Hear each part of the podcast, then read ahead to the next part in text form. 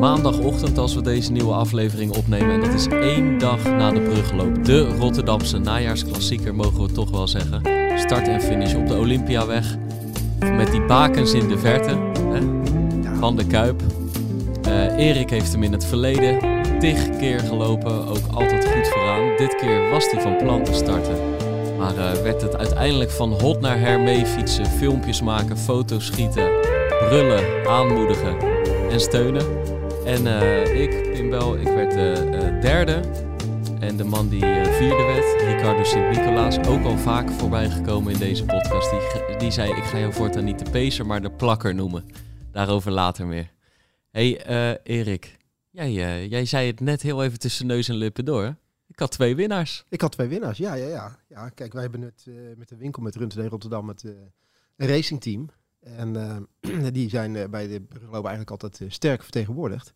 En we hadden met, met Max Polak en, en Elmieke, hoe heet het? Hoe heet het Ja, en hoe heet het, twee mooie winnaars. Dus daar, daar ben je natuurlijk altijd blij mee, toch? Ja, Elsemieke Kin en ja, Ma Max Polak. En aan, eerlijk, aan Max kleeft al echt een mooi verhaal. Ja. En dat weet jij het beste, want uh, Zeker. jij hebt met zijn vader gelopen. Absoluut, ja. Ja, ik ken zijn vader eigenlijk al heel lang. En dan echt heel ver terug. Ik, uh, ik, ik, kende hem al vanuit de periode dat ik geen idee had waar die man mee bezig was. En uh, ik ben, ben opgegroeid, ik ben geboren in Rotterdam, maar opgegroeid in Capelle aan IJssel. En ehm, daar woonden wij in de Beemsterhoek. Een flat 13 hoog. En ik woon daar vanaf mijn zevende jaar. Dus moet je voor 1974 zo'n beetje, 1974, 75.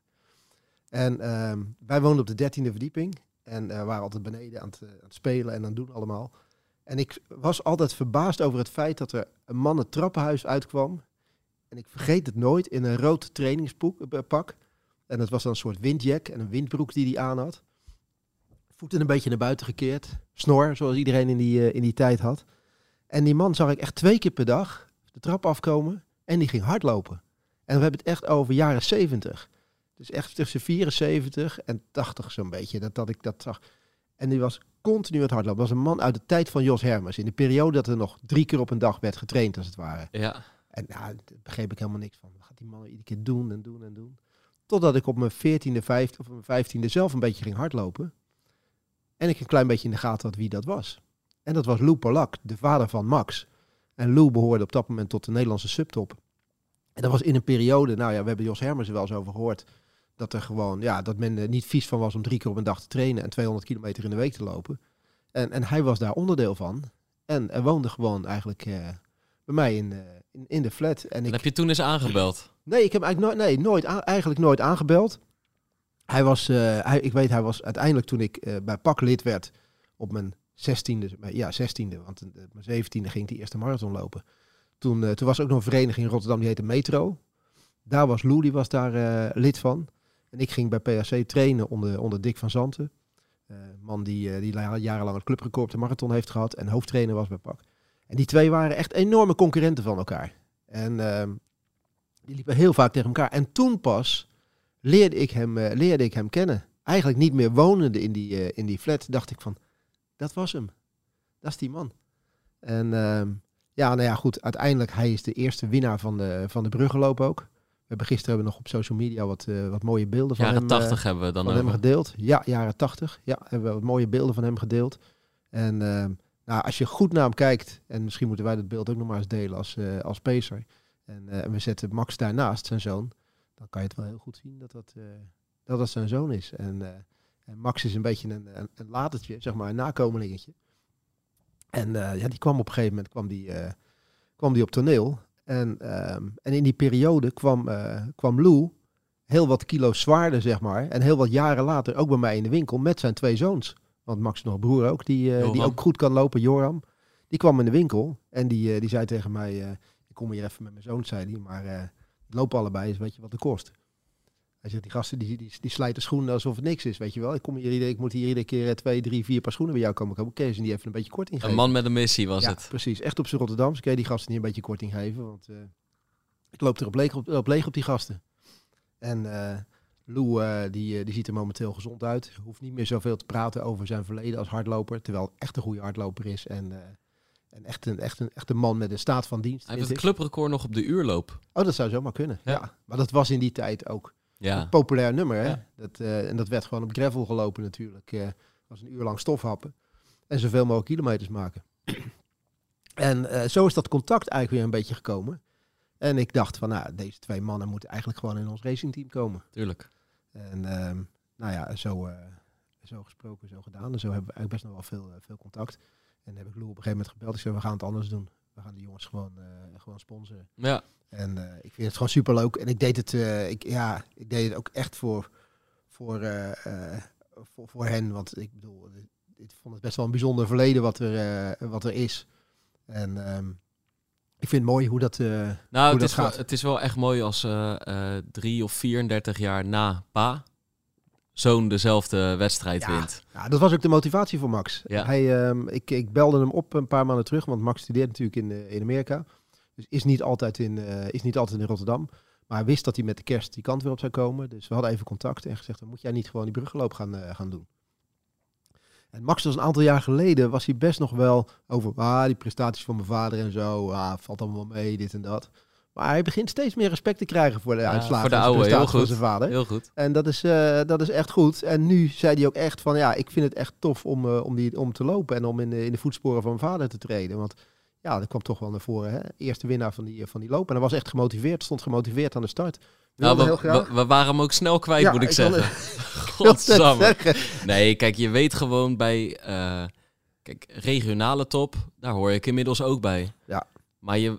Kijk, hij komt uit Rotterdam, maar ik bedoel, het merendeel van het jaar zit hij in het buitenland. Ja, Of, ja. of zelfs echt ver in de VS. Maar ik bedoel, hij had het nu ook al over, dan heb ik het over de 31ste, een loop in Schoonhoven. Ja. En dan heeft hij het over dat hij misschien een 10 in Madrid of Valencia met de toppers mee gaat pakken. Dus dat is gewoon een ander veld. Dus je weet als bepaalde namen uit een bepaalde categorie komen, kijk, die zijn weg. Maar dan zie je ook wel weer hoe snel ze weg zijn. Want we waren de Olympiaweg nog niet uit of hij had al een gat. En dan deed hij nog echt volgens mij voorzichtig die laatste kilometer. Het ijs ging nog even mee. En daarna was hij voetsie. Ja, hij was weg. echt voetsie. Ja. En dan loopt hij drie kwartier alleen. Ja, ja, het was echt, eh, echt solo. Ik heb een tijdje achter hem, eh, achter hem aangefietst. En, eh, maar dat zag er gewoon heel krachtig en, en goed uit. Jongen met lange benen, lange pas heeft hij ook. En ehm, ja, hij knalde ook die Brienenoordbrug op. En ja, het was gewoon eigenlijk één grote solo. Ik denk dat hij zo'n beetje 12, 12,5 kilometer solo heeft gelopen. Ja. En, ja, net boven de 46 minuten. Is knap hoor. Ja, zeker. Hey, en voor de mensen mooi. die, eh, die niet uit eh, Zuid-Holland komen en denken... waarom gaan deze gasten nu gewoon een uitzending vol lullen... eh, over een prestatie lopen in Rotterdam? Ja. Je moet je voorstellen, kijk, het is eigenlijk... hebben die mensen, mensen natuurlijk best wel een punt. Maar het is voor als je uit Rotterdam komt... en dat komen wij nou eenmaal... Ja.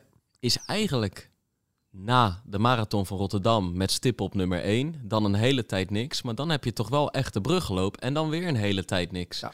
Dit is echt al meer dan, eh, meer dan 30 jaar een klassieker over een klassiek parcours. Want het, is, het zit hem eigenlijk niet in de organisatie dat die nou heel veel doen voor de snelle lopers. Het zit hem ook niet in het prijzengeld, want dat is er niks. Niet. Het zit hem, nou, ik vond het gisteren heel druk, maar het zit hem niet eens in het pu- publiek. Het zit hem toch gewoon in dat parcours. Eh, en dat is een aantal keer gewijzigd, eh, uiteraard. Vroeger was het nog niet eens 15 kilometer. Nee, het was het korter. Hè? Het, werd ooit, het is ooit begonnen. Het is georganiseerd door de roeivereniging. Uit, jou, eh, uit de buurt waar jij opgegroeid bent. bij de Esch, bij de Watertoren. Ja. Daar waren de, was de eerste bruggenloop. En die was toen 11,9 kilometer. Ja. En die was ook maar 11,9 kilometer, omdat er nog geen Erasmusbrug lag. Ja. Dus je ging daar vandaan eerst over de Brienenoordbrug heen. Langs de Kuip, door de Oranje Boomstraat. En dan was het Willemsbrug. Want dat was de enige overgang zeg maar, die er toen was. Over de Maasboulevard weer terug. Ja. Dat was, het, eh, dat was de route, dus er kon helemaal geen 15 kilometer van gemaakt worden. Of er moesten extra lussen gemaakt worden. Maar het was nooit een 15.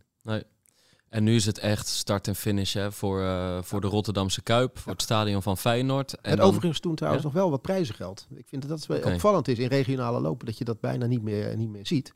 En, nou, eh, en zeker als er 12.000 man meerdere Ja. tientjes inleggen. ja, ja. Ja, toch? Ja, maar toen was het echt, wat je wel zegt, gewoon, gewoon een paar honderd gulden die er gewoon gewonnen werd. En voor de winnaars waren er gewoon, eh, top drie waren er gewoon enveloppen. Zoals, het, eh, Ja. zoals dat eigenlijk toen wel gebruikelijk was. En ik vind dat je dat nu steeds, steeds minder ziet. En inderdaad, een evenement met 12.000 deelnemers, Ja, je zou Nee. zeggen. En een hoofdsponsor. 35 eurotjes aftikken. Ja. Ja. Moet toch wel wat in de la blijven liggen. Je, je hebt echt stroopwafel instuiven waar je gewoon binnenloopt. En dan echt een klassieker waar heel, heel, heel lopend Rotterdam Ja. naartoe leeft. Dat Ja. eh, doe je voor een appel en een rij. Maar Nou, dat maakt ook verder niet... Het En ze hebben echt- er nu ook naartoe geleefd, want 2000, Ja. de 2019 was de laatste editie. Zeker. En ook een evenement wat nog wel eens geteisterd werd door, eh, door sneeuw. Want voor die tijd, ik denk in die vijf jaar daarvoor, is die ook nog twee keer, minimaal twee keer afgelast geweest. Doordat er gewoon een pak sneeuw lag in, in december. Het is natuurlijk altijd... Het, volgens mij is het tweede weekend van december vrij standaard. Vrij standaard, ja. En ja, dat is natuurlijk gewoon eh stuivertje wisselen qua weer. Ja. En het is, ik bedoel, het is in principe altijd koud. Ja. Maar het, het slaat wel eens door naar glad, ijs, sneeuw. Ja. En inderdaad, ik denk dat in die vijf jaren voor 2019 dat het twee keer is afgeblazen. Twee keer afgeblazen. Ja. Vroeger was die in februari en hij is uiteindelijk verplaatst naar, eh, naar, het, naar, naar december. Om echt een beetje een kerstloop van te maken. Laat in de middag starten. En dan eh, ja, voor, de, voor de lopers die er wat langer over doen, in donker finishen. Iedereen krijgt ook een lampje en alles. Dus de sfeer die is er ook goed bij. Die man bij de start, die vroeg nog. eh, dat is, eh, die man die doet dat trouwens echt geweldig. De, de- die man zie ik al jaren. Die De dat- speaker. Nee, ja, die doet het ook goed. Nee, maar je hebt, je hebt zo'n man die staat. Ik denk dat de, dat de coördinator Ja, start-finish ja, is. Ook bij de Rotterdam Marathon die doet dat ook bij de Rotterdam Marathon. En die heeft een soort, ja, een soort yoga-zen-achtige kalmte om zich heen hangen. Om gewoon iedereen, heren, voetjes achter de lijn. Ja, zo ja, heel ja. kalme stem. Zo, dan iedereen staat bij twee minuten al druk, zo bijna op zijn stopwatch te drukken. En dan zie je hem zo van, jongens, nog 120 seconden. Ja. Weet je Ja, wel, rustig, kalm aan, tranquilo. Maar die zei, eh, ik zie, die stond zo een beetje dat startvak A te bekijken. Hij zei, jullie hebben al die lampjes niet opgehaald, hè? Dus eh, ah, wij zijn voor het donker wel binnen. mooi donker binnen, ja precies. Ja, Ja. En een mooie startlocatie natuurlijk, hè? ja, mooiste stadion van Nederland. zeker. Nee, maar en gewoon die, die twee bruggen. Lange stuk Maasboulevard langs de Van Gent kazerne. Dat stuk Ja. langs Varkenoord eigenlijk nog. Maar het is, eh, het is gewoon een mooi parcours en een heerlijke afstand. Die 15 kilometer is echt een heerlijke We afstand. hadden het er vorige week nog over, hè? Dat het een mooie raceafstand is. Ja, je merkt bij ons ook gewoon al die lopers om je heen. Je gaat toch ook allemaal de. Terwijl uiteindelijk, ik denk buitenlanders of, of, of ook al mensen in Limburg of de Utrechtse Heuvelrug. Als je naar de hoogtemeters van deze wedstrijd gaat kijken, stelt het natuurlijk helemaal niks voor. En die Erasmusbrug krijg je al na drie kilometer. Nou ja, en de Brienenoord is even bikkelen dan. Met wind op je snuffert na, na 9, 9,5. Maar het valt natuurlijk reuze mee eigenlijk. Het is ook gewoon een snel parcours. Tenzij je een slechte dag hebt, dan ga je op die tweede brug kapot. Maar als je een goede dag hebt, dan dender je ook zo weer naar Het beneden. is bijna een zevenheuvelloop. Je moet zorgen dat je na 10 kilometer nog voldoende energie in de tank hebt. Ja. Dan kan je, kan je Ja. rammen naar beneden toe. Ja, maar ehm, Dus voor al die mensen zeg maar, die niet uit deze regio komen, volgend jaar gewoon ook die bruggenloop doen. mm, ja en nee. Het is ook wel mooi dat het zo'n Rotterdams Je wil hem DNA een beetje heeft. voor jezelf houden. Nee hoor, nee, nee. Ja, kijk, iedereen mag komen meedoen. Maar het, het heeft wel wat dat, dat zeg maar alleen de Rotterdammers hem belangrijk maken. Snap je Ja. wat ik bedoel? Het is ergens is het zo betrekkelijk. Zeg maar, het is gewoon, ja, ik denk dat dat heeft natuurlijk dat heeft elk dorp of weet je wel dat het gewoon dat het één zo'n ding is wat daar dan de dag van het jaar is of weet je wel. Er, gewoon zo'n kermisfeest ergens in zo'n kutdorp, weet je wel. Gewoon dat dat de heilige dag van het jaar is. En buiten die grenzen stelt het niks voor. Nee, maar dit evenement zou je kunnen laten concurreren met een Zevenheuvelloop of met een Dam-te-Damloop. Die, allure zou het, die allure zou het kunnen krijgen als je dat zou willen. Ja, maar Kijk, niet naar, het kijk idee naar het dat- aantal deelnemers. Kijk naar de, Ja, naar zeker. naar de- naar de- 12.000 is hartstikke de veel. startlocatie, de sfeer waar je omheen loopt. De skyline van de stad waar je tegenaan loopt. Weet je, kom maar, daar kan, eh, daar kan, daar kan je echt een top-evenement van maken. ja. Nou, voorlopig is een en top-evenement 12.000 is ook al heel veel, hè? top evenement in de regio Rotterdam. Juist. Dat is Ja. Ja, ja, ja. Hoe heb jij hem beleefd? Want we zouden eigenlijk samen aan de start staan. eh, We Erik. zouden samen aan de start gaan, ja. ja. Maar eh, jij had mij geadviseerd, sinds ik wat eh, problemen heb met die rug, om eh, toch maar een keer naar Bernard de Boekhorst te gaan. Ja, dokter Bernhard. Dokter Bernhard. en ik ben gegaan. Ja. Het eerste wat dokter Bernhard al door de telefoon zei, ik zou een week of 8 à 10 niet gaan hardlopen als ik jou was. ja. Ja, dat gaf wel een hele grote streep door de rekening heen. De- de- ik denk dat het wel zegt dat mijn advies wel goed was. Zo van, Zeker. Misschien echt even... Ja. eh, Er, moet, er moest gewoon een keer goed gekeken worden naar die rug. Ik Ja. blijf daar natuurlijk maar last van houden. En ik heb eigenlijk al tien jaar lang heb ik daar last van. En ehm, komt het één, twee, soms wel drie keer per jaar komt het terug. En een soort, schiet er iets in mijn rug wat een soort zenuwpijn geeft. Waardoor ik gewoon eigenlijk altijd weer een week of twee, drie uitgeschakeld ben. En iedere keer weet ik mezelf met een beetje behandelen, weet ik me na een week of drie wel weer eh, ervan te vrijwaren. Maar vervolgens komt het gewoon op de meest onverwachte momenten komt het weer terug. Ja. En ik ben echt wel een beetje klaar mee. En het gebeurde nu een paar maanden geleden gebeurde het weer. En ik was wel weer aan het lopen. Maar het lopen ging wel goed. Maar ook weer wat uitvalsverschijnselen in mijn linkerbeen en alles. En ik, er moet gewoon echt een keer goed naar gekeken worden. En nou, mijn laatste strohalm was Dr. Bernhard. Dr. Bernhard, ja. Nee, maar Ja, kijk, maar het ging natuurlijk zo, want kijk, ehm, eh, ja, af en toe had jij last van je rug. En dan zei je ook wel van, ja, ik merk nu toch echt wel ook dat ik eh, oud begin te worden of Ja, zo, weet je ja, wel. En dan, eh, dan zei je, jou, het is weer zover. En dan had je, was je door je rug gegaan bij het lezen van de sportkrant. Maar, maar, en dan ging het lopen weer even een week niet, maar dan pakte je daarna weer op. En dan ging ging het uiteindelijk, ging het dan wel weer. Maar toen de laatste weken hoorde ik je twee, drie, vier keer tegen me zeggen van... Ja, het lijkt wel alsof, alsof mijn ene been af en toe uitvalt. Ja. En toen dacht ik echt, ja, maar dat is geen, dat is geen trekkende hamstring of een beetje last van je onderrug. Dat, dat klinkt niet goed. En ja, dan kun je wel naar de fysio om de hoek gaan, maar dan, dan vind ik dat je naar een Bernard of, of Ja. een van die andere twintig hele goede in het land moet, eh, moet Nou, gaan. de fysio waar kwam, Jan Willem, die heeft echt, echt, dat hoorde ik ook van Bernard ook, die heeft echt wel gewoon goed werk eh, gedaan. Alleen hij gaf mij gewoon aan, ik zeg wel, ik heb hier eigenlijk al tien jaar lang heb ik hier last van. En komende donderdag wordt er een MRI gemaakt. Oh ja. Maar ik ben bij hem geweest. Moest van tevoren een soort amnese invullen. Weet je wel, wat is je, wat is je, je, je verleden en hoe is de klacht ontstaan, noem maar op allemaal. Uitgelegd. Oh, die keer ontstaan met veel reizen, veel zitten en noem maar op. En daardoor zat die rug iedere keer vast. Momenten gehad dat ik toen af en toe niet eens uit de auto kon komen. Eh, terwijl ik toch best wel gewoon goede conditie was, veel trainen en alles. Eh, na die tijd gewoon echt goed, goed core trainingen gedaan hè, bij, eh, bij Errol, zoals ze dat altijd gedaan hebben. dus dat zat altijd wel goed. Hij heeft me ook onderzocht. Maar voordat ik binnenkwam en, en hij mijn verhaal gelezen had, zei hij... Ik heb eigenlijk al een afspraak voor een MRI klaarstaan. Ik moet je natuurlijk nog onderzoeken, maar dit klinkt wel als zijn... Ik moet hier, eh, ik moet hier verder naar kijken dan alleen. hij heeft mij het, een, eh, helemaal onderzocht. Zat gewoon prima aan elkaar. Hij zegt, als ik jou bij een normale neuroloog neerzet, dan zal hij zeggen van... Nou, weet je, een paar weken rust en je kan wel weer aan de gang. Dus dat is ook, eh, ook wel logisch. Maar er klopt iets, iets Ja. niet in, het, in het geheel. Want je krijgt dit continu terug. En hij gaf mij toen aan, hij zegt, waarschijnlijk heb jij nooit langer dan twee of drie weken achter elkaar rust gehouden als je wat gehad hebt. Nou, en, en dat klopt ook. Want ik er weer last van had en het er weer op de meest onverwachte momenten iets inschoot, ging naar de fysio toe, een beetje behandelen. Een paar dagen, ik kon eerst een paar dagen niks, behandelen, oefeningen doen, dry needling of wat dan ook. Kon het weer ontspannen. En weer aan de En, bak. dan- en dan kon ik, weer, kon ik weer aan de bak. En dan kon ik ook vrij snel weer, eh, weer naar een bepaald niveau. En dan was het na een week, een maand of drie, vier, dan schoot het er weer in. En dan zei je, als er iets kapot is, en dat is nogmaals, dat is natuurlijk nog de vraag, dan, dan kan je na een week of twee, drie, kan je wel weer lopen, maar is het nooit 100% genezen. Dus dan is het wachten totdat je, het, als het een scheurtje is of zo, dat je het weer kapot loopt. Want wat is de diagnose tot nu toe dan? nou, die is nog niet, die is nog niet, Nee, niet oké. 100% gesteld, want er moet eerst een MRI gemaakt worden. Maar er zou een, ergens bij het disc onder in mijn rug iets los kunnen zitten, een klein scheurtje kunnen zijn geweest, of wat dan ook. En als er een klein fractuurtje is of scheurtje die erin is, eh, dan heelt dat in drie weken eigenlijk niet helemaal. Maar doordat je core sterk genoeg is, kan je er wel omheen werken. En dan kan je wel weer, eh, kan je wel weer lopen. Maar het is, het is wachten totdat je het weer kapot loopt, als het ware. En dat kapot gaan, en dat is wat ik ook. Bij mij komt het op de meest onverwachte momenten komt het terug. Hè, de laatste keer zit ik gewoon, ben ik gewoon goed in shape. Ik zit 's morgens de krant leeg, sta op en pang, daar gaat het.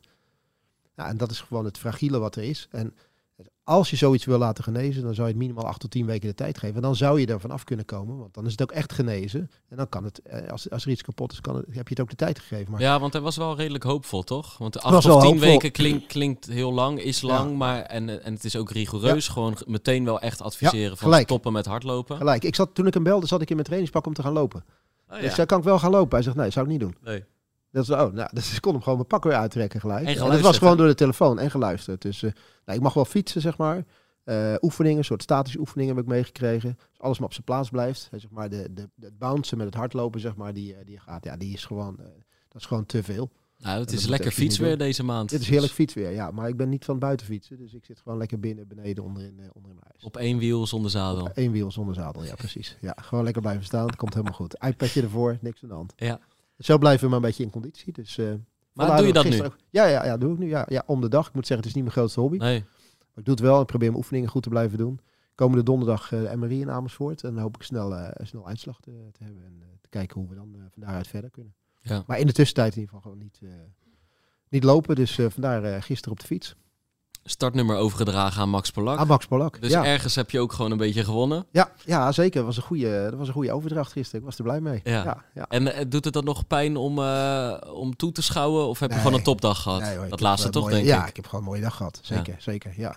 Over, wat over dag gesproken. Kijk, die wedstrijd is natuurlijk pas om half vier 's middags. Ja, dat is kut. ja. Ja. Nou ja dat, dat wil ik net even vragen. Hoe doe je dat? Want no- normaal gesproken loop je altijd ergens wel einde ochtend, maximaal begin van de middag. Maar nu half vier 's middags. Ja, ik vind ook echt, ehm, je loopt eigenlijk nooit om half vier 's middags. Dus qua wedstrijden al niet. De meeste eh, wegwedstrijden en marathons zijn natuurlijk altijd, ja, laten we zeggen, 9 uur, half 10, 10 uur, half 11. Toch? De start van zo'n wedstrijd. Of het nou een kleine instuif eh oliebollenloop of de heilige marathon is. Weet je wel, het is altijd oh ja, 9 uur of 10 uur. Of je hebt, wij als baanlopers in de zomer wel eens in de avond door de week. Ja. Maar echt in de avond. En dat is ook, ook vreemd, zeker na een lange werkdag of zo. Maar om half vier 's middags loop ik eigenlijk nooit een wedstrijd. Maar ik was aan het nadenken de laatste maand. Ik train ook nooit om half vier 's middags. Nee, het is een hele rare tijd om te trainen, toch? Ja, want ik train eigenlijk in de ochtend en bij thuiswerkdagen ook wel eens begin middag. Of ik wacht tot en met de avond, tot en met 7 uur, eh, met, met, bij pak. Of, of dat ik met Hidde of Edwin of wie dan ook om half zes na hun werk heb afgesproken. Maar eigenlijk nooit om half vier. En ik moet ook eerlijk zeggen, ik doe mijn, eigenlijk mijn standaard powernap, doe ik altijd zo tussen drie en half vier of zo. Dus het is voor mij in mijn biologische ritme, is het gewoon gewoon niet helemaal wakker zo. het moment om hartstikke moe te worden en lekker even een eltje te knappen. Maar het, is, het geeft je dag wel een beetje een raar ritme. En ik zit dan ook... Normaal weet je gewoon precies... Oké, 2,5 à 3 uur van tevoren ontbijt ik dit. Dan laat ik het lekker zakken. Ik neem nog een eh, bak koffie en ik ga nog een keer op een goed potje schijten. En dan ben ik er klaar voor. En nu moet je toch een keer nog een keer gaan lunchen.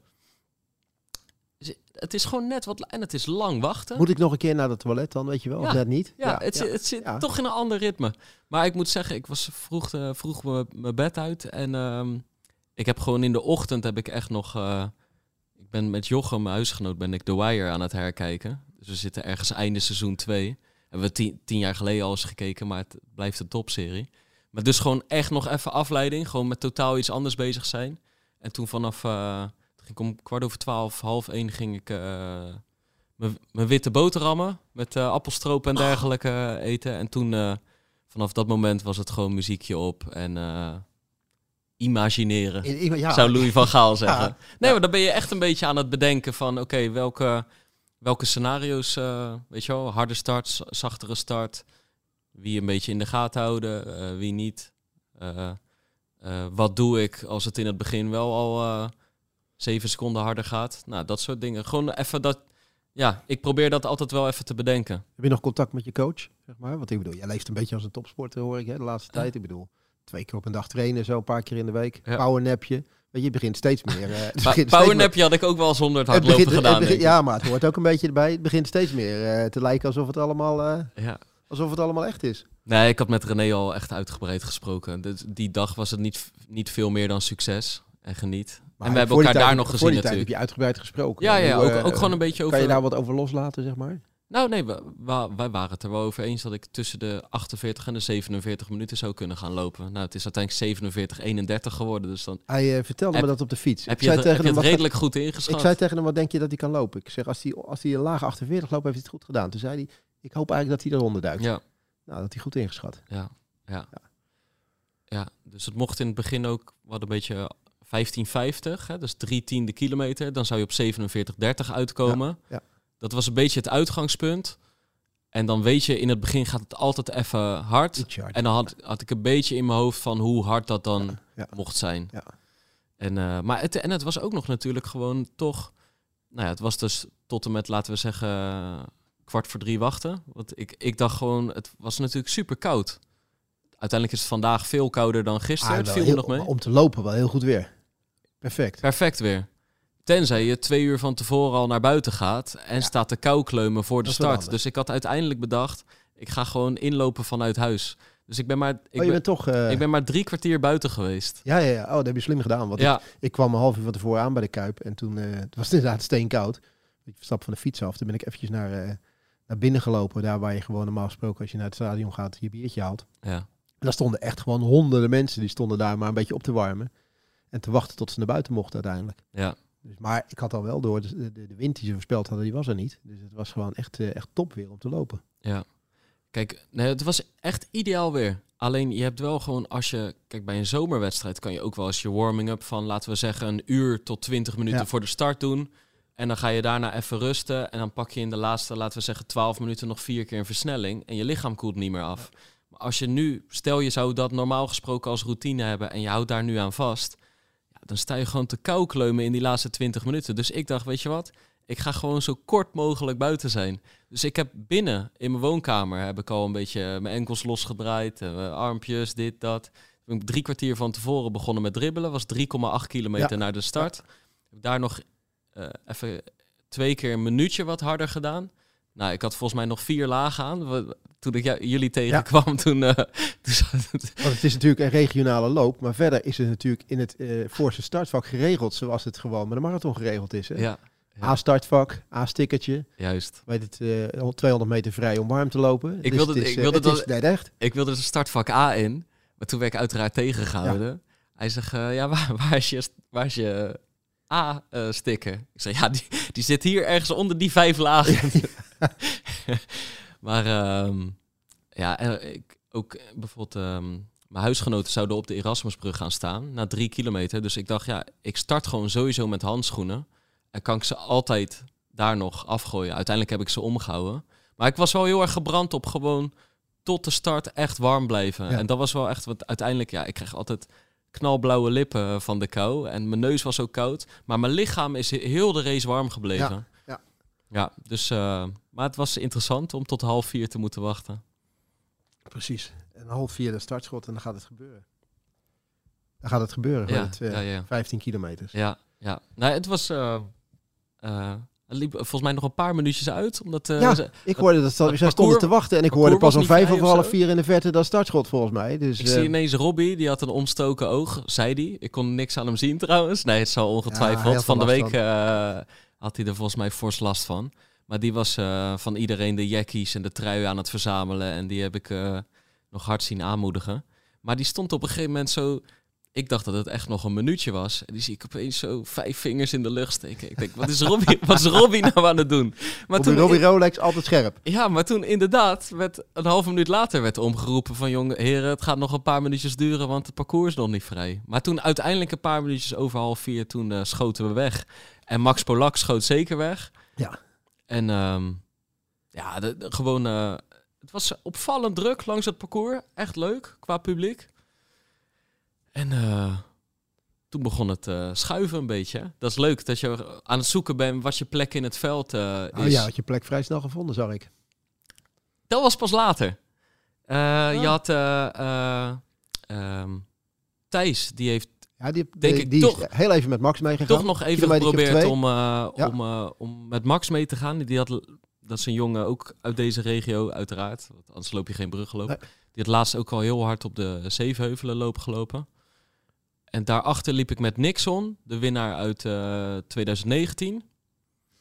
Ehm Emiel, die is eh, zesde geworden. Ook uit deze regio. Ricardo, die is uiteindelijk vierde geworden. En ik. Dat weet je, die Ja. vier man.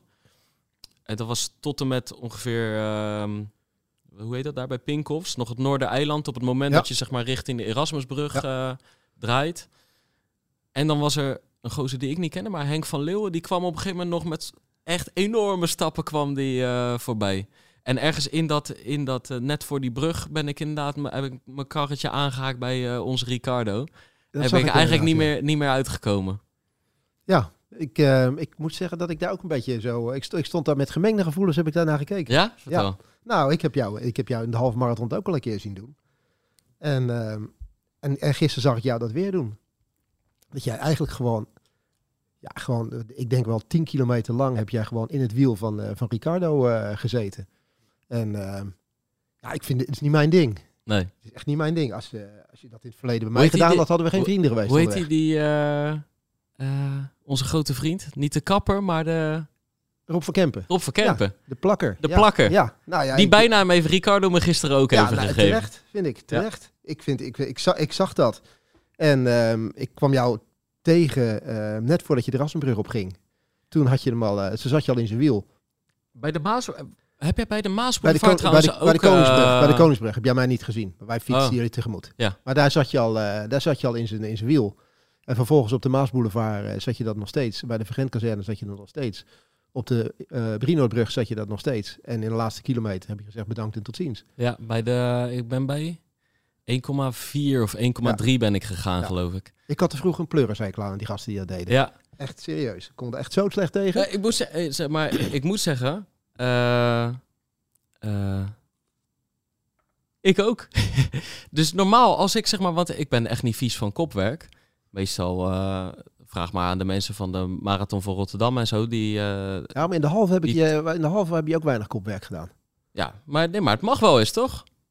Daar liepen we op een gegeven moment met een, Ja, daar liepen ja. we met een groep van acht of negen. Ja, maar goed. Ga, ga door. Dus, eh, eh, maar dus daar ging het lekker. Tourbeurtjes. Nou, ik ben echt niet vies van mijn kopwerk doen. Maar gisteren was het wel... Het, het ontstond een beetje zo. Want ehm, eh, tussen vijf en tien was ik echt blij dat ik bij hem zat. Als we een bochtje hadden of zo... liet ik een gaatje van drie meter. Dan moet je het weer even dichtknokken zo. Het, het was zeg maar... Ik had daar niet harder gewild of gekund dan Ricardo liep. Ja, waar ga je dan achter zitten? Dan ga je daarachter zitten. Dan ga je niet denken, joh, ik pak nu even mijn kop, of even mijn kop en we gooien er even drie, vier seconden bovenop. Hij heeft geen één keer omgekeken, hij heeft het geen één keer gevraagd, hij heeft geen één keer gescholden. Ik denk, ja, ik, ik zit hier goed. En ik was blij ook dat ik daar zat. Dus het was niet helemaal uit luxe.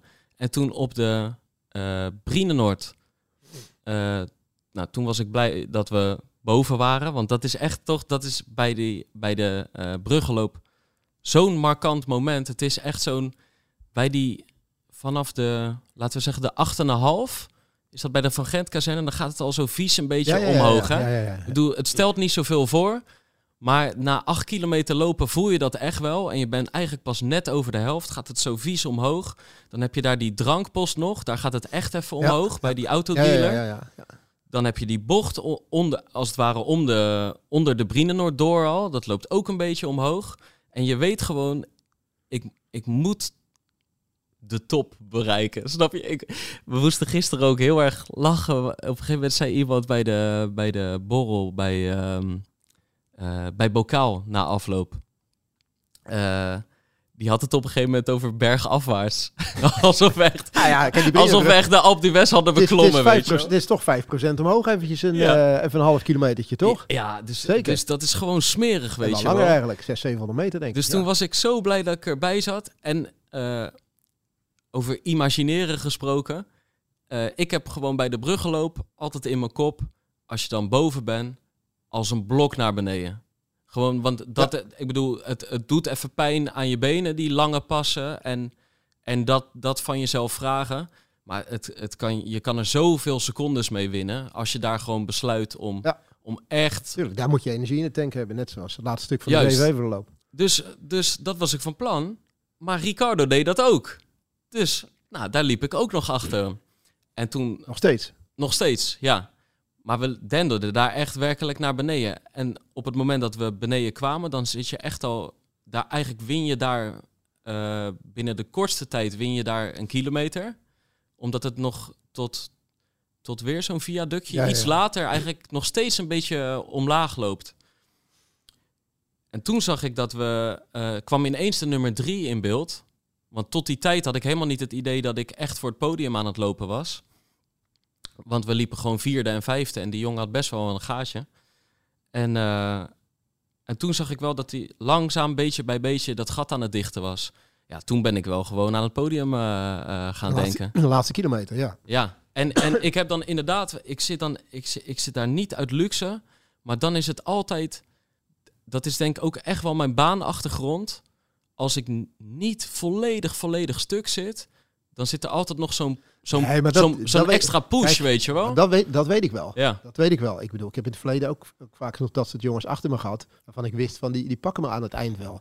Maar ik vind, ik vind, je doet, het op, je doet op een gegeven moment ook wat samen. En ik kan zeggen, ja, ik had, het, ik had het moeilijk of wat dan ook. Maar als je zo hard naar beneden kan denderen, kan je ook een keer overnemen. Ja. En dat, dat is iets wat ik, ja, ik, ik trek dat altijd gewoon heel slecht. Ja. Ik, ehm, ik, weet je, in het verleden, Dick van Zanten was mijn trainer. Ja. En die heeft een keertje, de, in, in, in de vergeet ik nooit, in Valkenswaard de Valkenloop gedaan. Ja. 20 kilometer, legendarische wedstrijd.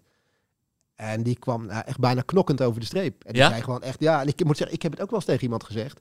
Want vroeger bij Rotterdam Atletiek zat er ook zo'n gozer. En dat was nog een beetje in mijn nadagen wel eens. Ja. Maar die zei gewoon echt een kilometer voor de streep. Zei die, als je me nou nog voorbij durft gaan, slaat je op je bek dadelijk. Ja, ja. En ik moet zeggen, ik heb het in, eh in Maasluis ook een keertje eh, gehad. Ja. En dan ook achter me lopen en af en toe een keertje aantikken. In de wind, Oh, weet ook je nog wel. op je hakken trappen. In de wind, niet over willen nemen. Ja. En denk, waar gaat het over? Weet je, we hebben hier een regionale wedstrijd. Kom op, weet je, doe het met elkaar. Ja. En vandaar dat ik daar echt wel een beetje tens op ben op eh, dat soort dingen. En ik zag jou dat gisteren ook. eh, ik zag jou dat gisteren zo. En maar blijven zitten, en maar blijven zitten. Ja. Nee, kom aan, man. Weet je, ik zal je zeggen, ik had in de surplus gegaan. Ja. Weet je, dan maar langzamer. Ja, ja. Bij het, eh, bij het, eh, ik geen PR, jij ook geen PR. Weet je wel? Ja. Ik vond, ik, ja, ik, ik heb dan, ik heb, eh, ik heb het niet zo eh, dat het. eh, Nee. Kijk, dat, je, ik, dat ik weet, en, en dat zal Ricardo ook weten, dat, jij sneller bent, dat je een snelle eindschot hebt. Maar als je het met elkaar doet, zeker het laatste stuk, dan pak je met elkaar ook nog een paar seconden extra. Weet je, wordt het toch eventjes, ga je toch nog wat sneller over, Ja. die, eh, over die eindstreep heen. En het is geen wereldkampioenschap. Maar ja, ik trok dat Ah, heel is- slecht. En ik, ik neigde bij dat soort dingen, denk van, nou, dan ga ik wel op mijn rem staan. Weet je, dan, eh, als jij niet over wil nemen, ga ik ook niet, eh, dan ga ik het ook niet doen. Ja. Kijk, en Ricardo is natuurlijk gewoon eentje die, die beukt gewoon door. Maar, Maar ja, ik, dat is ik, die, ik snap wel die dat je achteraf die, zegt van ja, weet je, kom aan. Wij trainen regelmatig Ja. samen. Hè? Het is, eh, het is eh, liefhebber puur zang werkelijk waar. Die gast die eh, het absolute volgtip op Strava. Want die gast die vindt altijd een manier om te trainen. Dat is echt. Die, vroeger was hij nog leraar, geloof ik. Volgens mij is hij nu van baan veranderd. Maar dan was hij op zo'n een of ander kinderkamp. Zet hij gewoon zijn wekker om vier uur. Gaat Ja. hij om half vijf hardlopen. Is hij met zijn gezinnetje in Disneyland. Zet hij de wekker om vijf uur. Heeft hij zijn rondje om Disneypark Parijs eh, gedaan. En dan pakt hij ook nog allemaal kroontjes. Als hij ergens op vakantie gaat, zoekt hij overal de, de Strava-dingetjes uit. Het is gewoon echt een liefhebber. En de, de ene keer zit hij voor mij, de andere keer eh, ik voor hem. Volgens mij toen ik die 228 liep, kwam die me bij de moskee voorbij. En loopt hij uiteindelijk eh 227. En ehm, eh, we, hebben, we hebben gisteren afgesproken dat, eh, dat ik bij hem in het krijt sta. Ja, Oké. Dus eh, ik weet niet of die schoon over gaat lopen. Of, eh, maar ik zei in Maasluis of waar dan ook eh, pak ik mijn werk. Nee, weer. dat vind ik wel, dat vind ik wel. Nee, maar kijk, want je moet nu niet doen als, alsof ik dat altijd doe. Want je hebt het blijkbaar Nee, bij de halve ook even ik heb gezien. je bij maar- de halve, ik, bij de halve vuur Nee, joh, maar voor je- het eerst een beetje op. Nee, nee, maar, dat, maar En kijk, ik bedoel, op, ik heb je op de baan vaak genoeg gezien dat je het alleen deed. ja, toch? dat je want, je werk deed. Nee, maar- nee, nee, want helemaal duidelijk. Maar we moeten het ook niet gisteren, gaan overdrijven. nee, nee, nee, maar toch. Maar gisteren had ik daar een, eh, ja, ik, ik had er niet helemaal een lekker eh, gevoel Ja. bij. Ja. Dat, eh, ik vond het niet helemaal, niet helemaal kosher. En zeker ook omdat ik, omdat ik, dat ik weet, weet je, dat laatste stuk pak je hem toch. Weet je wel, je hebt gewoon, een- je hebt gewoon een snellere eindsprint. Dus dat is, dat is daar. En, en zeker met, met de doelstelling die je hebt, kent elkaar. Ik denk, nou, werk je een beetje, dan, dan werk je ook een beetje samen daar waar het, daar waar het kan. En, en het komt ook, weet je, ik, ik heb in het verleden was ook een jongen, jongen bij Pak vaak genoeg. En die zat dan altijd zat dan heel vaak achter me. En dan, ik, ik maakte altijd wel eens dat gebaar. Zo, Ja, je, Kom maar. overnemen, weet je wel. En dan hoor ik, nee, ik kan niet. Ik kan niet, man. Ik kan niet. En dan het laatste stuk was het bedankt en tot ziens. Ja. Ja, denk pleur op zeg. Hey. Ja. Echt, eh, ik heb dus, ja, en weet je, dus ik heb er gewoon, ik heb gewoon een hekel aan plakkers. Er wordt, een, Dus, eh, eh, er dus wordt, zorg, dat je die, zorg dat je die bijnaam niet gaat krijgen. er wordt volgens mij een soort open wond opengereed Nee, nou, dat is ja, jeugdtrauma. Weet je wie daar ook last van had? In het begin van zijn carrière, Haile Gebrselassie. Hey, dat heb je Heel vaker erg. al verteld. Ja, heel erg. Ja. Heel erg. En, het is, en daar uiteindelijk ehm, heeft hij ook gewoon heel veel wereldrecords gelopen dat hij wel moest hè, als hij dat wereldrecord liep. Maar nou ja, ik heb je eerder op gehad. Er is dat beroemde fragment waar ik jou dat filmpje van gestuurd heb. Ja. Dat hij gewoon echt een schoen van een Keniaan in zijn nek kreeg aan het eind. Van, joh, wat ben jij nou aan het doen? Nou, kijk naar de, naar de 10 kilometer finale in, eh, in Sydney. Weet je, dat is, dat, is een Olympisch, dat is een Olympisch kampioenschap. Ja, waar gewoon Paul Tergat 10 kilometer lang op de aan de leiding loopt te beuken. En ik bedoel, dat gaat, daar gaat het om een Olympische titel. Maar Ja. plakken, plakken, plakken. En je weet gewoon, bam, dan gaat hij eroverheen. Ja. ja, dat is gewoon, ik trek dat soort dingen heel, heel slecht. Het is ook... ehm, het is een soort cultuurverschil. Het is een cultuur. Want- Ethiopiërs want- hebben er nou ook meer dan Kenianen. En vooral nee, in het verleden. Ja, nu ik minder. bedoel, ik bedoelde eigenlijk, ja, dat zal ook, maar ik bedoelde eigenlijk een cultuurverschil binnen de sporten ook. Want wij hebben nu een, eh, die liep gisteren trouwens ontzettend goed, Chris van Wamelen in de groep. Die is afkomstig uit het wielrennen. Ja. En die, die, ja, die is alleen maar bezig met wedstrijdjes in wedstrijdjes. Weet je wel, die is van groepje, van groepje naar aan het hupsen. En die blijft er even achter. En eh, die, ik, ik heb zo moeten lachen met eh, onze trainer eh, René. Want wij hebben Final Search. Dus een soort variant op Training Peaks. Kan je trainer je schema inladen. Ehm, eh, via je horloge komen je trainingen er weer in. En dan geef je bijvoorbeeld een cijfertje hoe zwaar je het hebt gevonden. Eh, en, dan in een reactie beschrijf je hoe de training is gegaan of hoe de wedstrijd is gegaan. En hij zei, die verslagen van Chris, die verschillen zo van de klassieke lopers. Omdat het gewoon als een wielrenner beschreven is hoe die die wedstrijden heeft. Ja, ja, eh, ja. Ja, daar is natuurlijk... Zo- Zoals we ook met Roxane eh, laatst Ja. met Michel Ja. praten, zeg Ja. maar, met allemaal van die wielertermen in het wiel en eruit klappen en dit Ja, en daar dat. is, het ook een, eh, daar is ook een spel. Ik heb het in de City Pier City echt heel vaak meegemaakt. En ik moet zeggen, de laatste jaren vind ik dat anders worden. Maar ik heb echt tien, ja, tien jaar geleden of wat dan ook, heb ik in de City Pier City zo vaak gezien. Duel tussen Ethiopiërs en Kenianen. En je zag gewoon, Kenianen deden het werk. De Ethiopiërs bleven er gewoon met z'n drieën achter in die groep achter zitten. Op het eind was er nog zeg maar één Keniaan over en twee Ethiopiërs. En dan denk je, dan zit je op die motor en denk, kom op jongens, werk samen. Je ziet gewoon aan die Ethiopische jongens van, ah, ze kunnen gewoon nog makkelijk. Maar ze gaan wachten, wachten, wachten. Ja. En ik zie die tijd maar wegtikken, weet je wel. Ik denk, hop, weer 10 seconden langzamer, weer minder lang onder dat uur, weet je wel. En wij willen natuurlijk snelle tijd willen we hebben. Ja. En dan bij de 500 meter voor de streep, hop, volle bak eroverheen en klaar, einde oefening. En ja, ik daar gewoon echt wel moeite mee. Ik moet zeggen, de laatste jaren zie ik dat een stuk minder. Dan zie ik veel meer dat, de, dat, die, dat die strijd gewoon onderling gevoerd wordt daarin. Maar ik heb dat echt ook vaak, eh, vaak gezien. En, en ik weet tuurlijk, hè, als het een professioneel sport gaat om de winnen en alles. Maar ja, op de een of andere manier, ja, het voelt gewoon niet, eh, Ja, voelt niet, eh, niet lekker. Maar goed, punt gemaakt. punt gemaakt. En ehm, eh, gelukkig was hij wel blij met zijn tijd onder de 48. Zeker. Nee, maar fantastisch. Jullie lopen allebei, eh, allebei een dik PR. Ja, want, want Alleen het had iets sneller gekund. ik, ik ben op een gegeven moment in die... ehm, eh, dan ben je op het laatste rechte stuk, maar dat is Ja, heel lang. eind? Dat is misschien stuk, wel hè? 8 of 900 Ja, dat meter of zo. stuk. Ik weet, niet, ik weet niet hoe lang het, maar het duurt in elk geval heel lang. Maar dan hoor je in de verte, je ziet sowieso de lichtjes al van de finishstraat. En je hoort de speaker op een gegeven moment. En dan hoor je dus Max Polak binnenkomen met gewoon laag in de 46 minuten. En dan kijk je op je klokje, deed ik tenminste even. En dan zie je nog, jezus stering, gewoon nog 500, Is er gewoon 600 meter, 500 meter weet je wel. ja. Ja. dat is echt, dan de- ja, binnen 15 kilometer gewoon, hè. En ehm, ik denk dat Thijs de nummer 2 een seconde of 20 voor me zat. En, eh, en ik was wel echt weggelopen bij Chris. Ja, eh, sorry, bij Ricardo. Onder de drie minuten, de laatste kilometer. Dus, ja, eh, bij Ricardo en de jongen die uiteindelijk vijfde wordt. Maar ehm, die finishstraat was echt mooi. En het, het was... Kijk, we- wij wilden voor het donker binnen zijn, maar het was toch al aan het schemeren. schemeren. Laten we eerlijk Ja. zijn, het was wel echt Ja. aan het schemeren. maar het was natuurlijk ook gewoon bewolkt, dus het gaat snel donker worden. Ja. Dat, eh, En, en wat ik finishte in 47-31. En dat was wel echt top, want eh, dat is dus die 1550, 310. Hè, drie, qua drie keer, vijf. drie keer en, onder de eh, 16 minuten op de, op de 5 kilometer. Daar moet je Ja. stevig voor doorstampen. Ja, en vooral omdat ik, ehm, ik merkte dat dat trainen op hogere omvang, dat, dat werkt dan wel echt in dat stuk tussen de 11 en de 15. Want die heb ik uiteindelijk als even zwaar ervaren als die 5 Oké. of de 10, of misschien zelfs wel beter. Ik groeide er zeg maar echt in.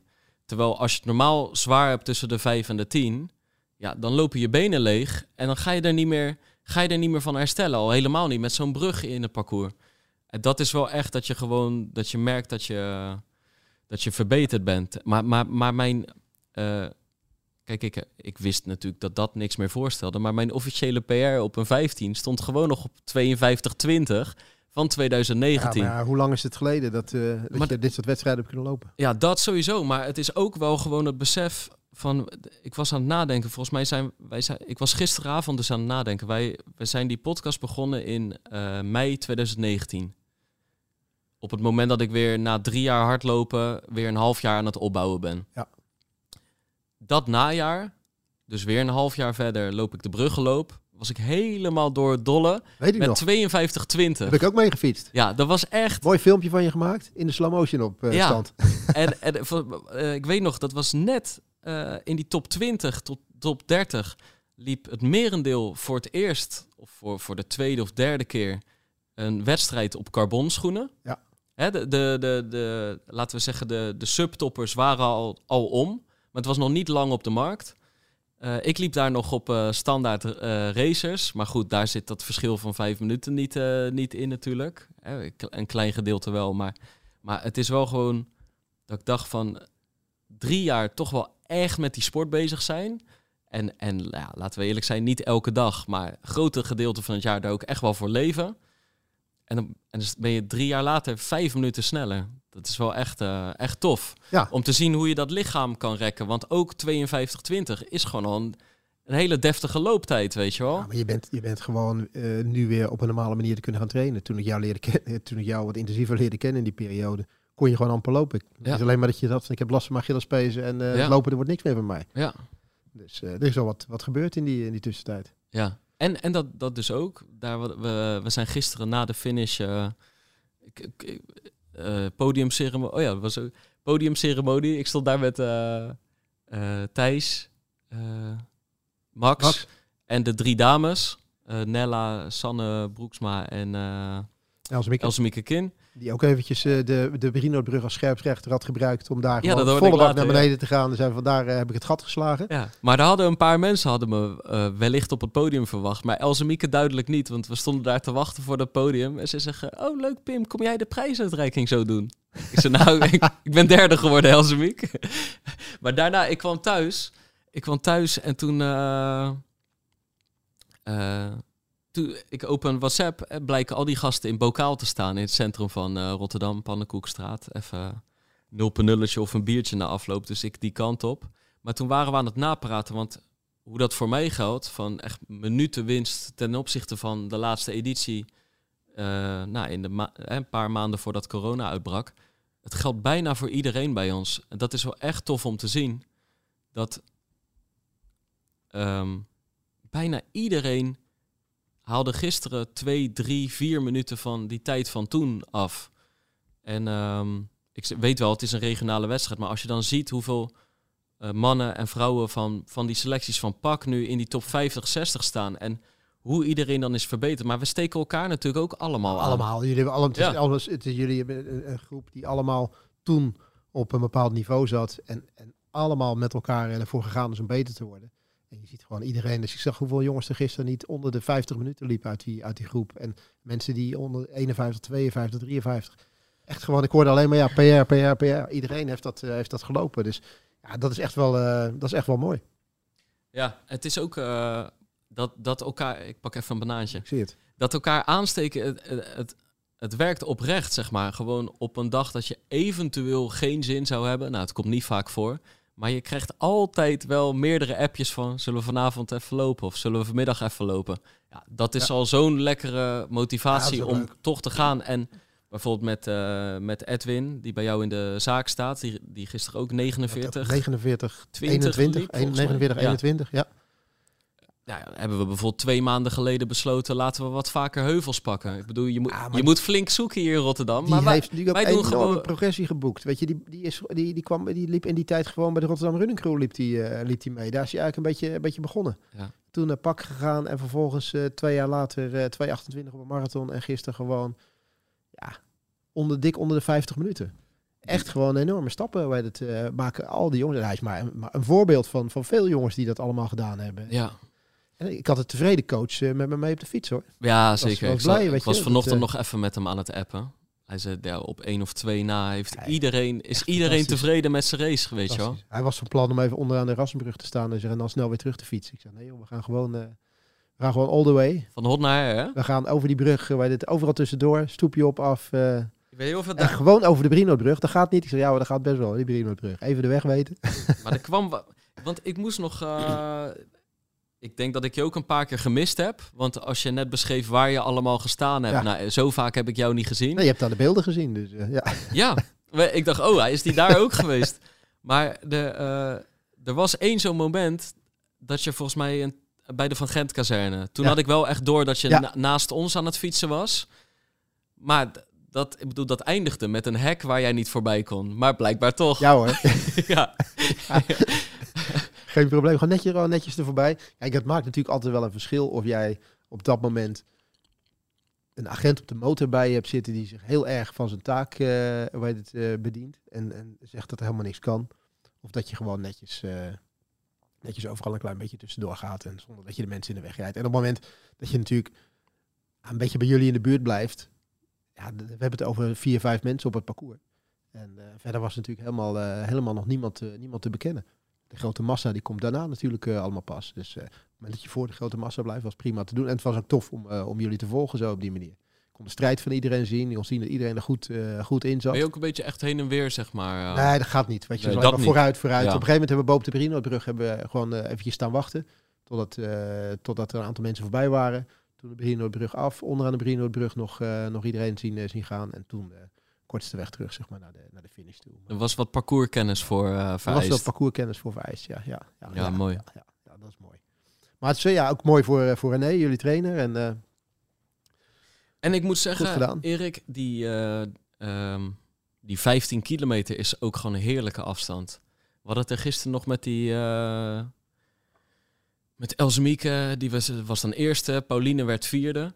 Maar die, had het, die hadden het een beetje over. Die waren toch wel gewoon heel erg met vier, vijf vrouwen. ja, ze zaten eh, heel dicht bij elkaar. echt wel op resultaat aan het lopen. Hè? Dus, dus er werden niet echt per Nee. se PR's nagejaagd. Sander gewoon- zat daar nog tussen Ja. gewoon. Die een beetje onbekend was volgens mij voor, eh, voor één of twee. Want die er nog eventjes, eh, die, die kwam natuurlijk nog even tussendoor om die tweede plek volgens mij te pakken. Nee, maar die zie ik echt al 15 jaar bij al die tuurlijk, al wedstrijden. heel lang. maar die al heel lang was natuurlijk, zij is natuurlijk super getalenteerd. Maar Ja. uiteindelijk niet voor topsoort carrière in het hardlopen gekozen. Maar ondertussen houdt ze de conditie, houdt ze, houdt ze hoog. Prima scherp. in orde, blijkbaar. Daar zit ze er regionaal gewoon altijd bij hoor. Ja. Ja. Maar die, eh, daar hadden we het er nog over. Dat het, die 15 is, zeg maar, zowel de 5 kilometer loper als de marathonloper Kan uit de kan, kan er mee uit de voeten. En dan, en dan, kijk, in de zomer zal een 5 kilometer loper eh, niet snel voor de 15 kiezen. Eh, maar zo in december, iedereen gaat ervoor. En iedereen kan die afstand ook wel eh, goed, goed aan. Waardoor, waardoor je een heel breed veld eh, krijgt. Kijk als naar, winnaars van Zevenheuvelloop en Dam-te-Dam lopen. Dat zijn heel vaak topmarathonlopers geweest die die wedstrijden gewonnen hebben. Ja. Dat zijn echt wel, echt wel goede afstanden. Maar het, zijn, het, eh, het is ook het wereldrecord van Chep de Guy, die, die Ja. zeg maar de afstanden korter op de baan eigenlijk vaak... eh, Maar vaak- het is ook het wereldrecord geweest van Haile Gebrselassie. Ja, zo, zo, Hè, zo, zo, is eh, de cirkel weer rond. Zo, zo gaat het. Hey, en om toch een beetje langzaam afsluiten. Wat, wat, is de volgende, wat is de volgende race die op het programma staat? Kijk, Even herstellen nu. ja, vandaag misschien einde middag even uitdribbelen. Maar veel meer zal het niet worden. Wordt het toch 31 december Schoonhoven. De wedstrijd van het jaar. Ik ga vanaf nu denk ik gewoon, want dat werkt op zich wel in mijn hoofd. Gewoon elke wedstrijd als de wedstrijd van het jaar bestem- bestempelen. Wedstrijd van het jaar. Ja. Nee, eh, de 31ste hebben we met een paar eh, maatjes hebben we al eh, ingeschreven voor de 10 kilometer bij eh, Schoonhoven. Over de dijk, dacht ik, dat het daar eh, gaat. Maar geen idee, ik heb hem nog nooit gelopen. nooit, eh, ik heb hem nooit gedaan. Nee, en eh dus schijnt ook een 5 en een 15 te zijn. Maar eh, die, eh, die ga ik doen. Schijnt een hele belangrijke wedstrijd te zijn. Edwin heeft vrijgevraagd op Oudejaarsdag. Kan eigenlijk niet. Maar we hebben het toch, we hebben het toch maar geregeld. Want ja, het is heel belangrijk. Gaf hij als argument dat het de wedstrijd van het jaar was? Nou of, ja, eh, laatste wedstrijd van het jaar in ieder oh, geval. laatste wedstrijd van het jaar. Oké, nou ja, dat... Maar jullie maken hem zo groot dat, eh, Ja. dat het me gewoon bezetting gaat kosten in de winkel. Ai, ai, ai, Hey, en eh, Ricardo ook aan de start? Ja, weet, hij, weet ik niet. Ik hoop het. Niet. Ja, ik zou, eh, ja, ik zou. Dan kunnen we het een beetje, kunnen we het een beetje Kunnen we opbouwen. een beetje goed maken. Ja. Nee, ehm, ik hoop het. Want Ed, van Edwin en Hidde weet ik het zeker. Tenminste, als je hem vrij hebt gegeven, Edwin. Ja, ja, ja, ja, ja, ja, zeker. Hij staat aan de start. Ja. Ja. Nou ja, ik hoop Ricardo dan. En ik had het gisteren met iemand erover, maar die wilde dan misschien toch voor de 15 gaan. Ik hoop dat iedereen voor de 10 kiest. Oh, er is ook een 15 daar. Ja. Oké. Dus eh, eh, daarvoor lopen, want eh, Thijs, die jongen die tweede werd, die had het nog over de volgende week dan ehm, in Dronten. Een halve Oh, marathon. half marathon, ja. ja, ja. Of- is zo eentje die al jaren is sterk. met En mijn moeder had het over Linschoten. Dat is ook volgende week zaterdag. Ja, dat is een traditioneel. Dat is een soort, dat is een soort bruggenloop, maar dan in, eh, zeg maar in eh, de regio, wat is het? Linschoten, Utrecht, zo'n beetje. Ja, Staat al heel lang. ja ik Voor heb heel hem, veel deelnemers. ik heb hem, ja, Ik heel heb druk. hem nooit gelopen. Ja, ik wel. Heel veel deelnemers. Ja. Het is een soort, dat is ook een soort van uit de hand gelopen prestatieloop. Met nooit echt Dat zijn de mooiste. start. En het is, ja, het is een soort, soort bruggenloop-achtig eh, achtig iets. Ik hoor daar mensen altijd jaren over. Ik ben er zelf nooit geweest. Maar als ik altijd zie hoeveel mensen aan de start staan, is dat wel... Ik, het dronten is gewoon echt... eh, ja, de, de- ik weet in het verleden Goeie mee. vaak genoeg geweest. Ja, ja, er werden echt eh, mensen uitgenodigd. Er werd ook goed startgeld gegeven en, en betaald. Ik weet niet of het nog zo is, maar dat was in het verleden wel. Volgens mij de houtloop of zo is het rond. Houtloop of zo. Er waren volgens mij ook nog vier of vijf rondjes. Vier rondjes van, van vijf kilometer. Goede wedstrijd. En linschoten is, eh, ja, ik weet het volgens mij al eh, eh, jarenlang een, een traditie aan het einde van het jaar. En ook voor heel veel mensen de wedstrijd van het jaar misschien. Ja, precies. Ja. Nee, ja, daar heb ik nog nooit gekeken, nog nooit gelopen. Linschoten zelf één keer gelopen en een keer bij mijn ouders wezen kijken. Toen zij Ja, hem liepen ja. die dag. En Toen heb ik het toen zo koud gehad die dag. Dat als ik nu naar mijn moeder ga kijken, dan ga ik hem denk ik ook gewoon meedoen. Ja, En dan loop ik hem als trainingsloop. oh, we gaan lopen. Mijn moeder gaat meedoen. Oké, Ja, halve. de halve. Ja. Ja. Goed. Dus, eh, maar dan denk ik dat ik hem zelf ook meedoe. Warme jas aantrek, lange broek en dan eh, mijn moeder ga binnenhalen. Maar dat is volgens mij volgende zaterdag. beetje Dus- uit, uit de wind lopen bij je moeder, je moeder een beetje uit de wind zetten. ja. Zo'n beetje achter jou mag, eh, Ja. jou mag plakken. Nee, we gaan hem niet samen lopen. Maar eh, even, nou ja, even kijken. is even een plannetje wat ik heb. Maar moet ik in eerste instantie even kijken hoe ik de komende dagen herstel. Maar ik vind dat wel mooi. Want inmiddels kan je Linschoten geen uit de hand gelopen prestatieloop meer noemen. Want het is echt groot. Echt nee, nee, veel nee, deelnemers. zeker. Maar, het- maar daar zijn Maar heel het- veel deelnemers. Maar het zijn, het zijn wel de mooiste. Het doet me meteen denken aan eh, de Keesloop in Bergshoek. Ik denk dat ik hem een keer al vermeld heb. Maar je had een, een eh, loper uit de buurt waar mijn ouders woonden, Bergshoek. Kees. Fanatieke hardloper. Toen die man, ik meen 50 werd, eh, dachten zijn vrienden... het is wel leuk als we hem voor zijn verjaardag een loop schenken. De Keesloop. Hè, dus eenmaal een, een, een hardloopwedstrijdje, prestatieloopje organiseren. Start en finish bij eh, BVCB, bij de voetbalvereniging Bergshoek. En eh, vernoemd naar de, naar de jarige. Maar dat beviel zo voor Kees, zijn vrienden en de lopers... dat de Keesloop ja, weer gewoon jaarlijks terugkerend fenomeen werd. Maar op een gegeven moment natuurlijk totaal uit zijn voegen gebarst... met gewoon honderden deelnemers... Eh, Sponsoren. terwijl sommige vrienden al de handen ervan af hadden getrokken. En Kees op een gegeven moment niet meer wist hoe, hoe die zo'n groot massa-evenement moest organiseren, weet je wel. Dat was zo'n mooi gezicht Goed, man. gewoon. Ja. Maar dat zijn wel de mooiste natuurlijk. Ja, dat zijn, dat zijn de, zo, maar zo groeit het ook. Dus, Ja, eh, toch? En volgens mij is Linschoot echt, ja, door, ja, ik, ik, door de jaren heen, maar volgens mij is het al meer dan 20 jaar, is het gewoon echt een groot evenement aan het, eh, worden met heel, veel, met heel veel deelnemers. Ik heb toen in dat jaar, ehm dus dat is 2014, heb ik de halve daar gelopen. Want toen zou ik gaan debuteren in 2015 op de marathon. Toen deed ik in oktober voor het eerst in mijn leven verder dan 20 kilometer hardlopen. Deed ik de halve in Eindhoven. Toen zou ik, en alles deed ik met mijn maatje Ruben toen. Zouden we in december de halve van Linschoten lopen. En ik weet niet of het. Nee, maar Sluis hebben we niet gedaan. En toen liepen we in maart in Oostvoorne, de halve. Maar ik weet nog dat die in Linschoten, dat, we, dat volgens mij windkracht 6 was.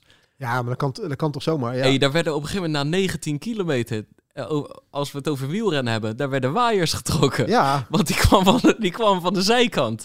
Nou ja, als er dan één iemand een beetje zo eh, tegen de berm aan gaat lopen, loopt, er, loopt iedereen met zijn snuffert in de wind. zo hadden wij in het verleden hadden wij in Roon in december. En dat was ook zo'n eentje waar iedereen aan de start stond. Toen was eigenlijk de brugloop nog niet in december. Had je in Roon had je de 15 kilometer kerstloop. Stond gewoon de hele regionale top aan de start. Gewoon liep gewoon 40, 50 man onder de 50 minuten. En daar moest je gewoon ook aan de start staan. Maar kon het ook stervenskoud zijn. Kon soms heel hard gelopen worden. Ja. En geweldige eindprijs, zoals ze noemen het de kippenloop. Dus daar werden alleen maar, alleen, ja, er werd alleen maar kalkoenen en kerstbroden en kippen en weet ik wat. Alles werd er weggegeven. Er werd geen stuiver betaald. Er werd alleen alles wat er zeg maar, bij treuren verkopen, zeg maar, dat werd daar gewoon als prijs eh, opgegeven. De eerste 20 ging gewoon allemaal met wild naar huis. Ja? Ik weet niet of dat nu nog kan in deze tijd, zeg maar. Weet ik ook niet. Maar, maar ik, denk- ik denk nu met, met veel vegetariërs dat het een lastig verhaal gaat, eh, Ja. gaat worden. Maar dat was echt, het, stond gewoon bekend als de kippenloop. En iedereen die, eh, de, de winnaar die ging met een kalkoen naar huis en, en een verzand en, en een hertenrug en weet ik wel, alles werd er, werd er weggegeven. En dan nummer 20 kreeg je nog een kerstbroodje mee. Ja. Dat, was wel, dat, dat waren zeg maar de, de afsluitende wedstrijden van het jaar. Of nou de wedstrijd van het jaar, maar het was er wel eentje die je traditioneel in de agenda ging zetten. Zowat eh, onze Mark, eh, loopmaatje van ons, die gaat einde van het jaar echt voor vijf, zes maanden naar eh, Midden- en Zuid-Amerika reizen. Dus Mark, Mark de Munter, de Munter. zes maanden, zo. Dus die mist de marathon. Dat hebben we hem Oh, al eh, ja. ingevreven. Nou zegt hij, eh, houdt hij vol dat hij waarschijnlijk er daar wel een eh, gaat lopen. In Lima of waar dan Oh, ook. dat zal best wel ergens eentje zijn in Precies. april, toch? Maar iedereen had een beetje het gevoel van, na gisteren, van was dit dan je laatste wedstrijd? Wanneer gaat hij weg? Ja, volgens mij de 28ste of zo. Uit december al wel. Ja, december. Dus iedereen had het gevoel van, hij had gisteren volgens mij in de 52 Ja, minuten gelopen. Van, was, dit, je- was dit dan je laatste? Hij zei, nee, nee, de wedstrijd van het jaar komt er nog aan. Tweede kerstdag is het volgens mij, of eerste, maar volgens mij tweede kerstdag. De kerstcross in Spijkenisse. Oh, ja, En hij zei, dat is echt schitterend. Dat is, dat is echt, als je je twee schoenen aan hebt aan het eind van de cross, dan ben je spekkoper, weet je wel. Meestal zijn ze in de modder gezogen en het is alleen maar draaien, keren, aanzetten. Geen moment in je ritme komen. Maar hij zei, het was altijd gewoon 2 euro inschrijven en klaar. En dan kreeg je na afloop kreeg je snert. En een heerlijke cross natuurlijk. En, eh, eh, ehm, maar hij zei, dit jaar is het geen inschrijfgeld, maar je mag geven wat je, wat je wil. Maar ik, ik, kijk, daar gaan ze natuurlijk winst op maken. Want als jij, als jij daar het naar je zin hebt, dan ga je geen 2 euro geven natuurlijk. Dan nee, geef je je net iets doen. meer. Ga je meer doen. Ja. Ik ga je zeggen, ik heb hem ooit gelopen. Ja? Ja. En Ja, ik- ik- inderdaad, eh, mooi. Nou ja, weet je, het is, ik, het, ik, ik weet god niet meer wanneer het is. Maar jij zegt nu kerstcross en spijkenis. Als, ik, eh, bij, als ik naar kerstcross moet, moet denken, dan moet ik aan andere loop eh, denken. Maar daar ga ik je zo over vertellen. Ja. Maar kerstcross en spijkenis heb ik zeker een keer gedaan. Het enige wat ik me kan herinneren, is dat ik het idee had dat ik op een soort mountainbike parcours liep. Het was alleen maar keren, draaien. eh, door, door het gras op eigenlijk een relatief klein gebied was het. Ja, veel bagger ook.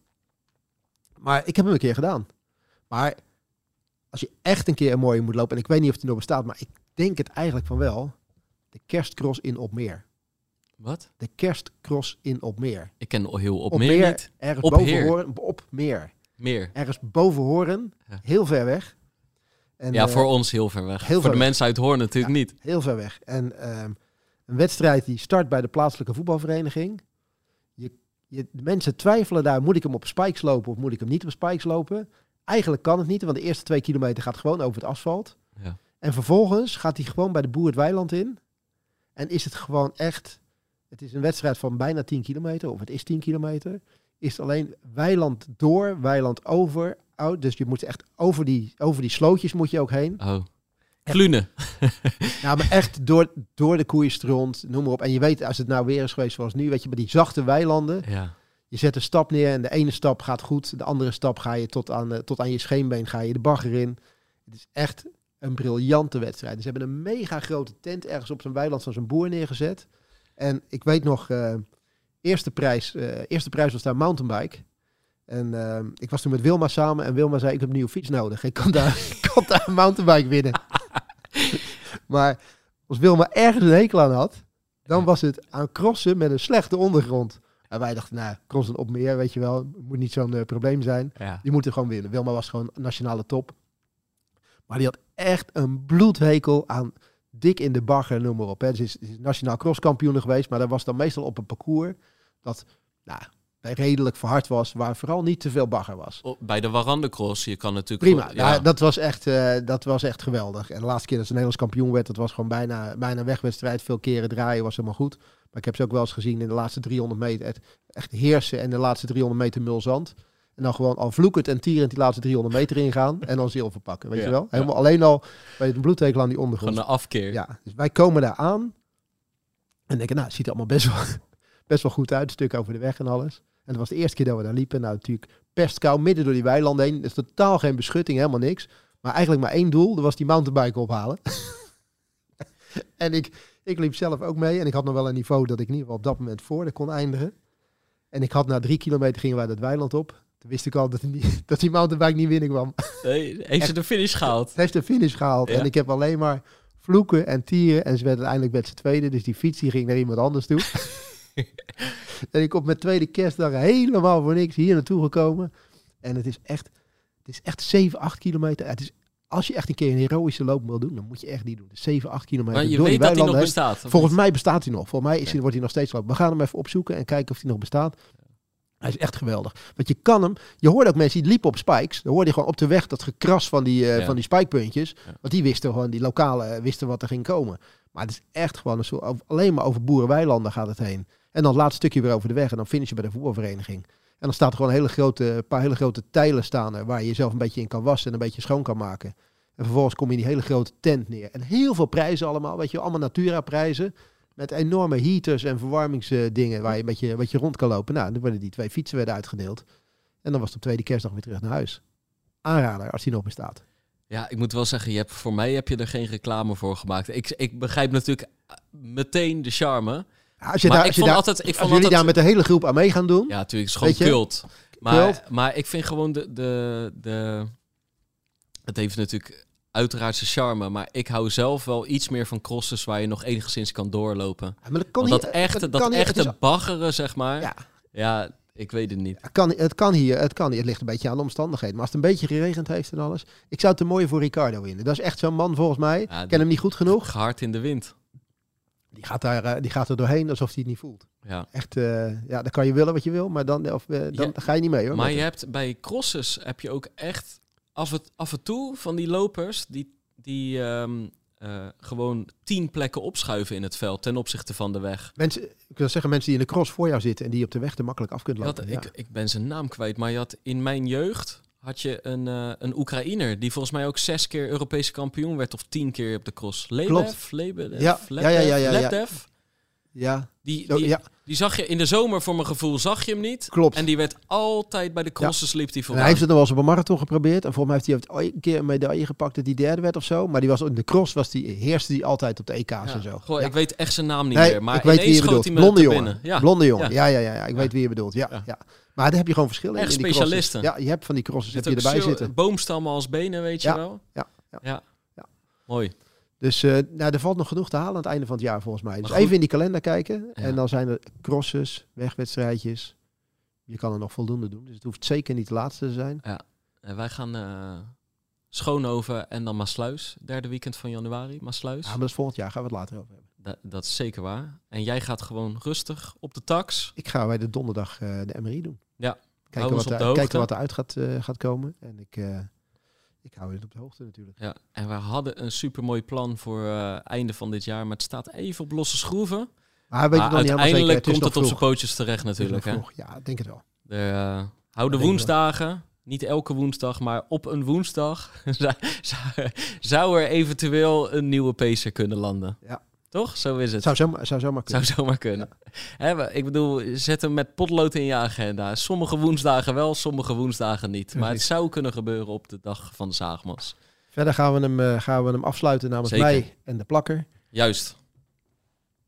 Plakker met brons, hè?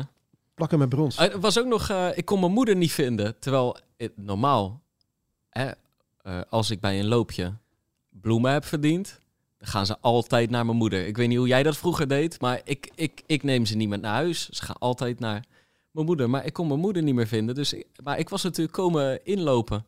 Dus ik heb uiteindelijk met die bos bloemen mee naar eh, huis gelopen.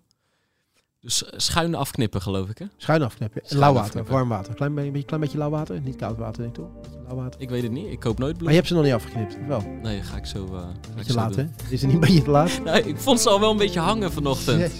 En nu vragen schuin afknippen.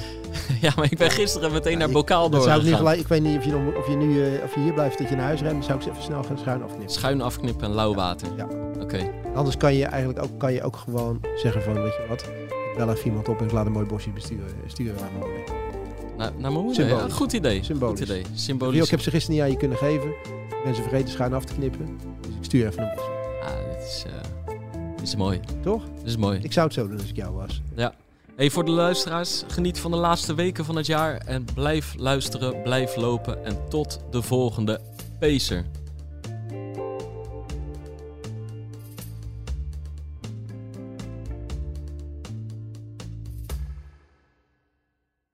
Dit is de gevreesde zoemer die na 60 seconden pitchen afgaat.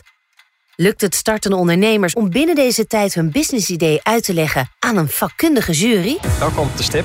Ben je er klaar voor om jouw pitch te gaan geven? As ready as can be, ja.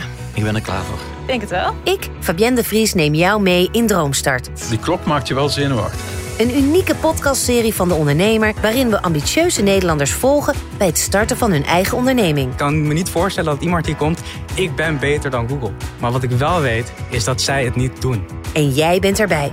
Vanaf die eerste spannende pitch tot aan de meest cruciale momenten van hun weg naar succes. Ik heb nooit geleerd om te zeggen van, eh, oh, ik ben het waard. Volg Droomstart in je favoriete podcast-app en mis niets van dit unieke kijkje achter de schermen. Droomstart is een initiatief van de ondernemer en podcastbureau As We Speak.